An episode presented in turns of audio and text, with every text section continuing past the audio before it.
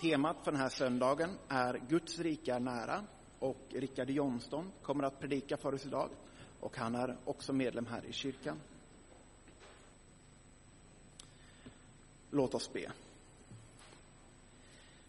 Tack Gud, kärleksrike och himmelske Fader, att vi får komma hit idag och möta dig i gudstjänsten. Tack Gud för att du är här mitt ibland oss. Och jag ber att vi kommer fortsätta kunna träffa dig här i gudstjänsten. Jag ber att du öppnar vårt, vårt sinne och våra tankar för det som du vill säga till oss idag och att vi alla ska få ett personligt möte med dig. I Jesu namn. Amen. Idag är andra söndagen i advent, vilket också innebär att det är andra söndagen det här kyrkoåret. Och förra söndagen, när vi började vårt nya kyrkoår, så sa Martin att det här var ett nådens år och att alla år i kyrkan är nådens år. Hur kommer det sig att vi kan säga det, att varje år är nådens år? Jo, för att Gud som är kung i sitt rike har bestämt att det ska vara så. I den gammaltestamentliga texten kan vi läsa En banad väg ska gå där, en vandringsled, och den ska kallas den heliga vägen. Ingen oren ska färdas på den, men den är till för dem. De som vandrar den vägen ska inte gå vilse, även om det är dårar. Gud har bestämt att det ska finnas en väg för oss som leder till honom, där det inte ska gå någon oren. För att även om vi är orena och är syndare, så får vi förlåtelse. Gud har bestämt att vi alltid kan komma till honom och att när vi bekänner våra synder så får vi förlåtelse för dem. Så vi gör det med alternativ 1.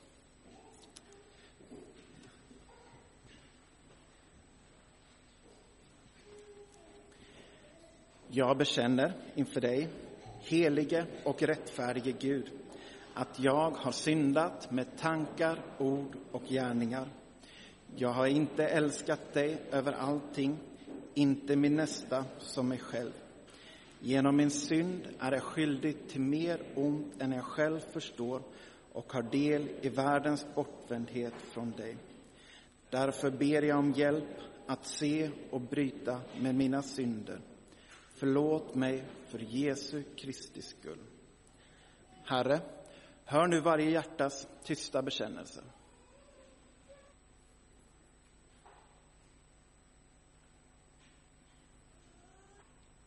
Om vi bekänner våra synder är Gud trofast och rättfärdig så att han förlåter oss våra synder och renar oss från all orättfärdighet. Käre Fader i himmelen, vi tackar dig för syndernas förlåtelse genom Jesus Kristus, vår Herre. Amen. Vi ber dagens bön. Nådens Gud, du som kommer i din kyrka, uppväck med din kraft våra hjärtan så att vi med glädje kommer Kristus till mötes och hälsar honom som vår konung. Du som är Sonen och den heliga Anden lever och verkar från evighet till evighet.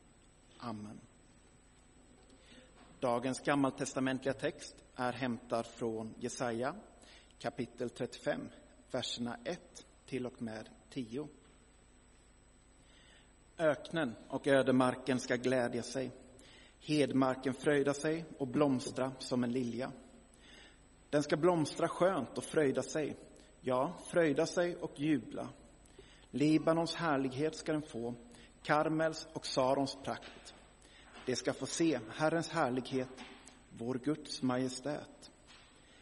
Stärk kraftlösa händer, styrk vacklande knän. Säg till oroliga hjärtan, var starka, var inte rädda. Se, er Gud är här. Han kommer med hämnd, med vedergällning från Gud. Han kommer själv och frälser er. Då ska de blindas ögon öppnas och de dövas öron upplåtas. Den lame ska hoppa som en hjort, den stummes tunga ska jubla. För vatten ska bryta fram i öknen, strömmar på hedmarken. Den glödande sanden ska bli en sjö, den torra marken vattenrika källor. Där schakalerna har sina lyor ska det växa säv, vass och papyrus. En banad väg ska gå där, en vandringsled, och den ska kallas den heliga vägen. Ingen oren ska färdas på den, men den är till för dem. De som vandrar den vägen ska inte gå vilse, även om det är dårar. Där ska inga lejon finnas, inga rovdjur ska komma dit. Det ska inte finnas där, men de återlösta ska färdas på den. Herrens friköpta ska vända tillbaka och komma till Sion med jubel. Evig glädje ska kröna deras huvud. Fröjd och glädje ska de få, sorg och suckan ska fly bort. Och dagens evangelietext är hämtad från Matteus evangeliet, 13 kapitel, verserna 31 till och med 35. Och vi står upp när vi hör dem. Han lade fram en annan liknelse för dem. Himmelriket är som ett senapskorn som en man tar och sår i sin åker. Det är minst av alla frön, men när det har växt upp är det störst av alla köksväxter och blir ett träd, så att himlens fåglar kommer och bygger bo bland grenarna. Ännu en liknelse gav han dem. Himmelriket är som en surdeg som en kvinna tar och blandar in i tre mått mjöl tills allsammans blir syrat.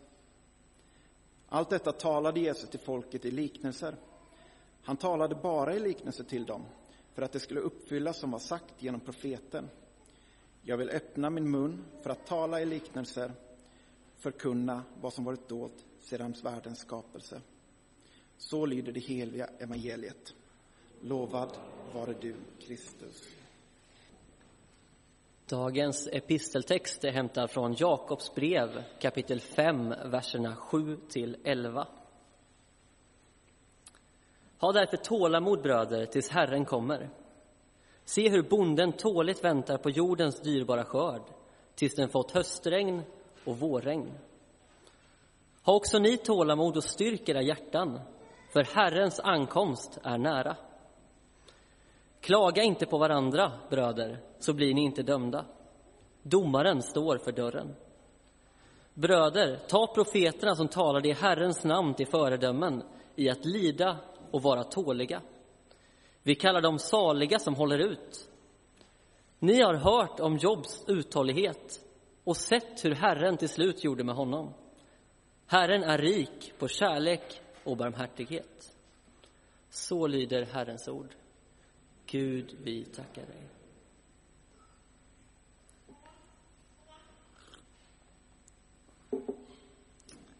Temat för den här söndagen är Guds rike är nära.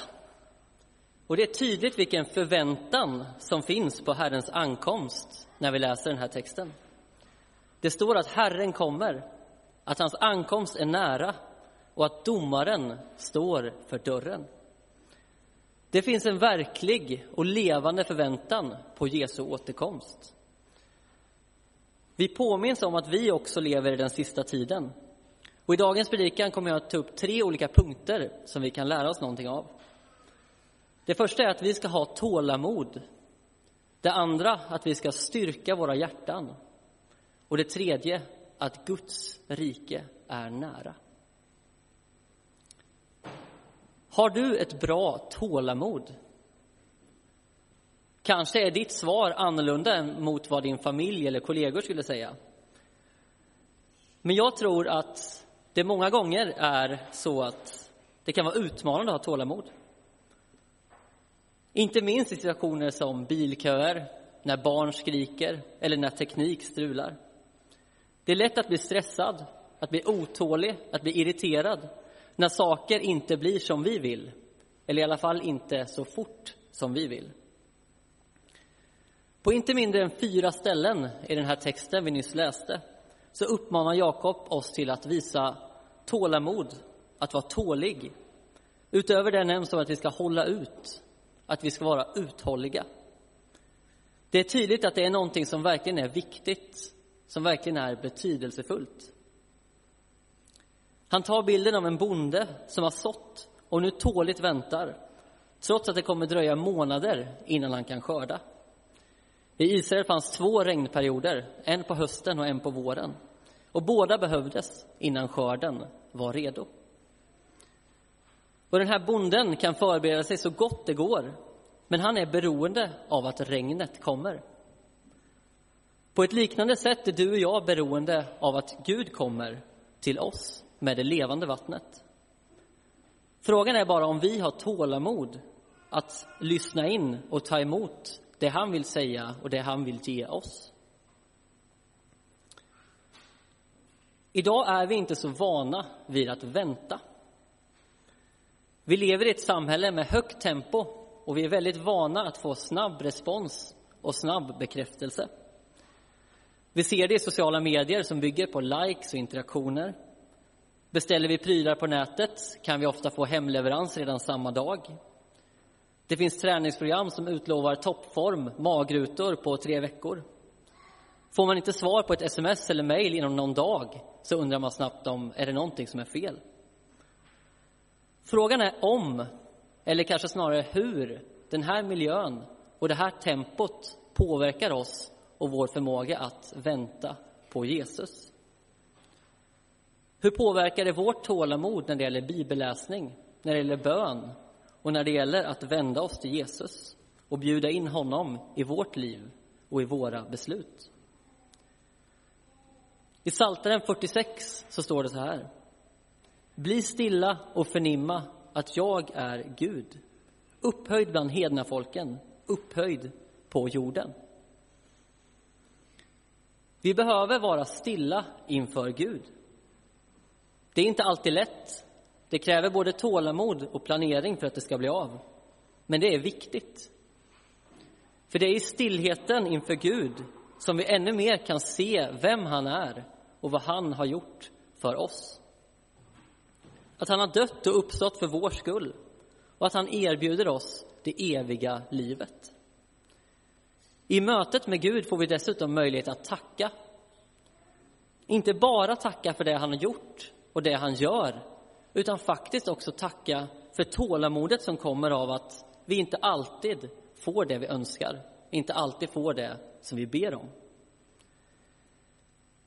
Jag brukar säga att jag är en dålig förlorare för att jag sällan förlorar och inte får chansen att öva på det.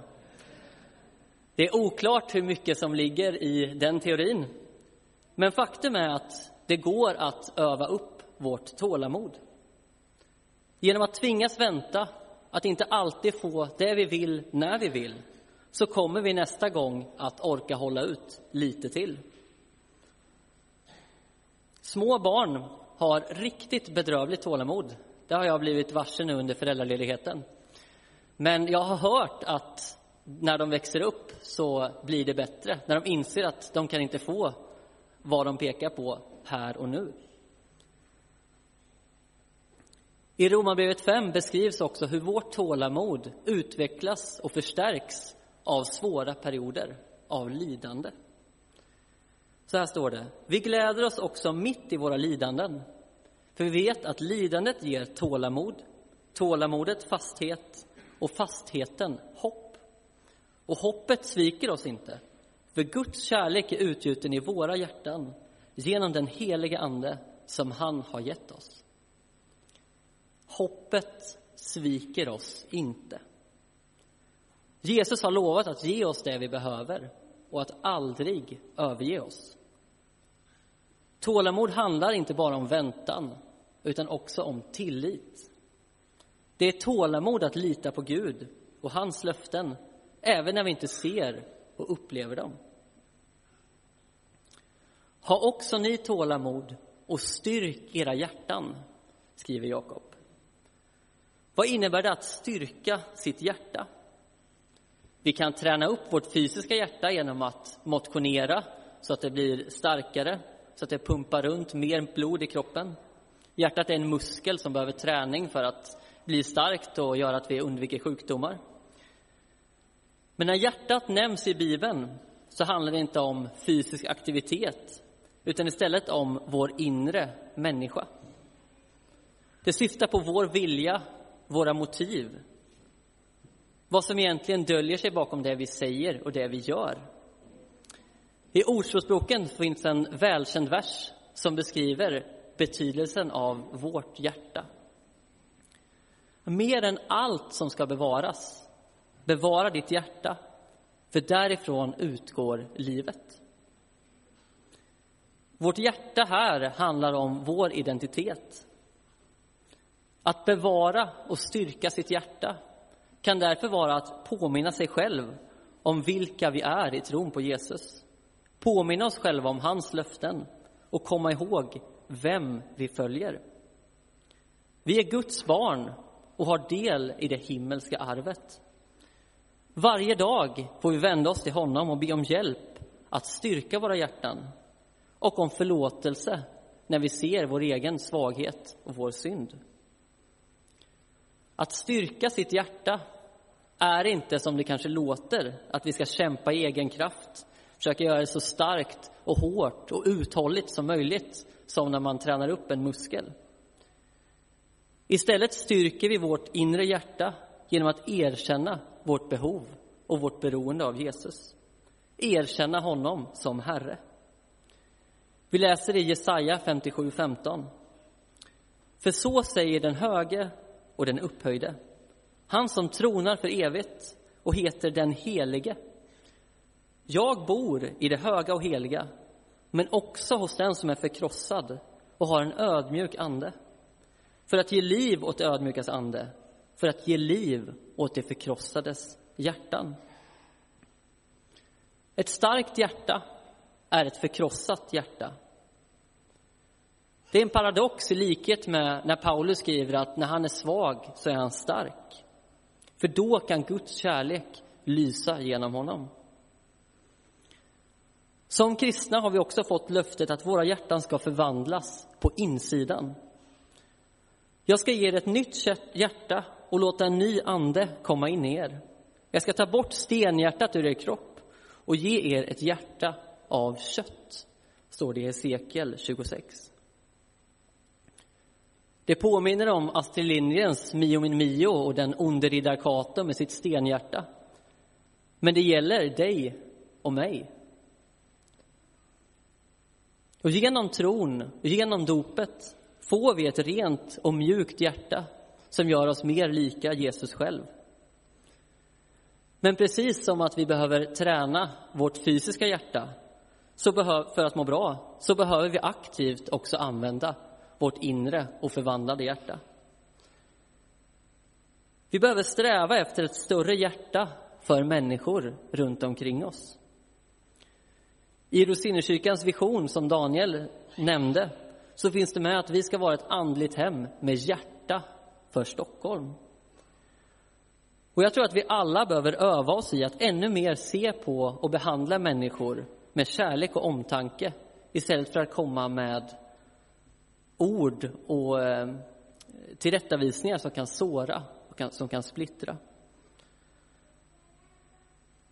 Att istället för att se brister hos varandra erbjuda vår hjälp och vårt stöd. Texten i Jakobs brev nämner också att vi inte ska klaga på varandra eller döma varandra för att domaren står för dörren. När vi läser om gängvåld i Stockholm så kan det vara lätt att känna rädsla, efterlysa hårdare straff eller tänka att de kriminella får skylla sig själva som har gett sig in i den här leken. Sebastian Staxet, som själv levt i den här destruktiva miljön men som har omvänt sig och idag är en kristen evangelist skrev så här på sin Facebook-sida efter ett eh, mord i, i november på artisten Einar. Vi behöver medmänsklighet barmhärtighet och kärlek. Vi behöver nåd. Vi behöver inte mer rädsla. Vi behöver be för situationen i Sverige och öppna både hjärta och dörrar istället för att köpa fler lås. Jag är så trött på våldet. Jag är så trött på mig själv för att jag var en så dålig förebild för Nisse och ungdomarna i hans generation när de växte upp. Förlåt. Jag tycker att det är häftigt att se hur Staxet med kärlek kan se och välkomna de här ungdomarna bakom deras fasader. Trots att han vet precis hur mycket våld, precis hur mycket ondska som finns i den världen. Han väljer att se potentialen till hopp och förändring genom Jesus snarare än att döma och stänga ute. Också du och jag får öppna våra hjärtan för Jesus och för varandra. Sträva efter att på ett liknande sätt vara förebilder i kärlek och barmhärtighet. I Efesierbrevet 3 och 16 så skriver Paulus också om att det här är någonting som sker genom Guds kraft, inte i vår egen. Jag ber att han i sin härlighetsrikedom ska ge kraft och styrka åt er inre människa genom sin ande. Att Kristus genom tron ska bo i era hjärtan och att ni ska bli rotade och grundade i kärleken.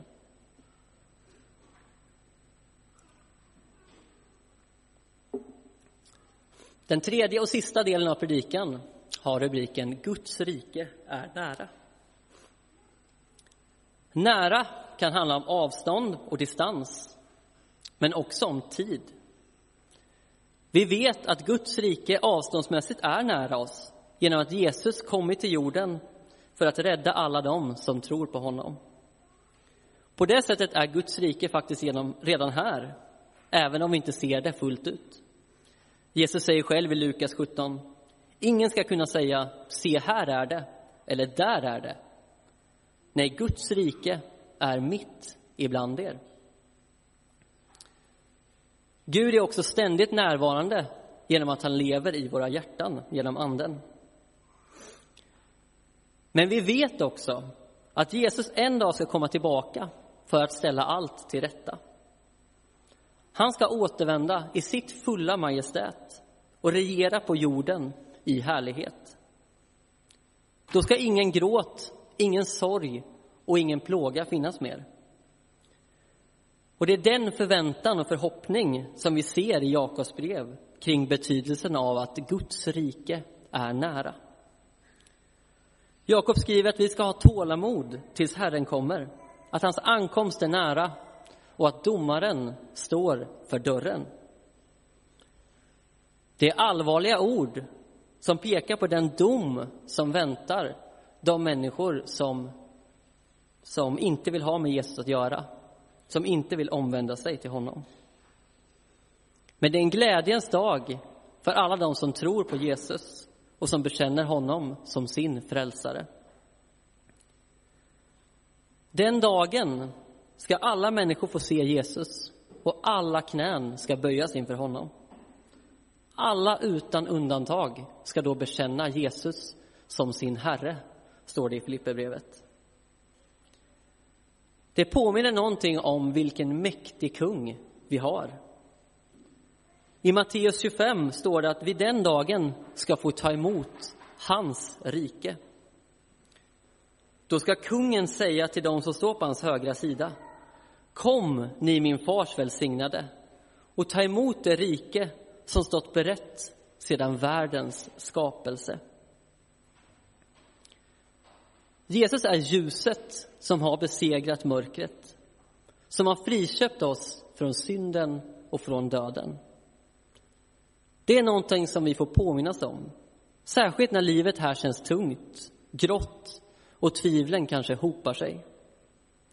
Vi får be om tålamod, om tröst, om styrkta hjärtan och lita på orden som står i Hebreerbrevet 13.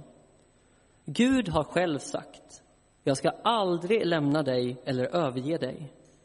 Därför kan vi frimodigt säga, Herren är min hjälpare, jag ska inte vara rädd. Vad kan en människa göra mig? Vi ber. Herre, tack för att du sände din son Jesus till jorden för att besegra döden och öppna vägen till himlen. Tack att vi har del i den segern genom tron på dig. Jag ber att du ska styrka våra hjärtan. Hjälp oss att vända oss till dig. Led oss på dina vägar, Herre. Och jag ber Jesus att du ska ge oss kraft och styrka när vi inte orkar. I Jesu namn. Amen.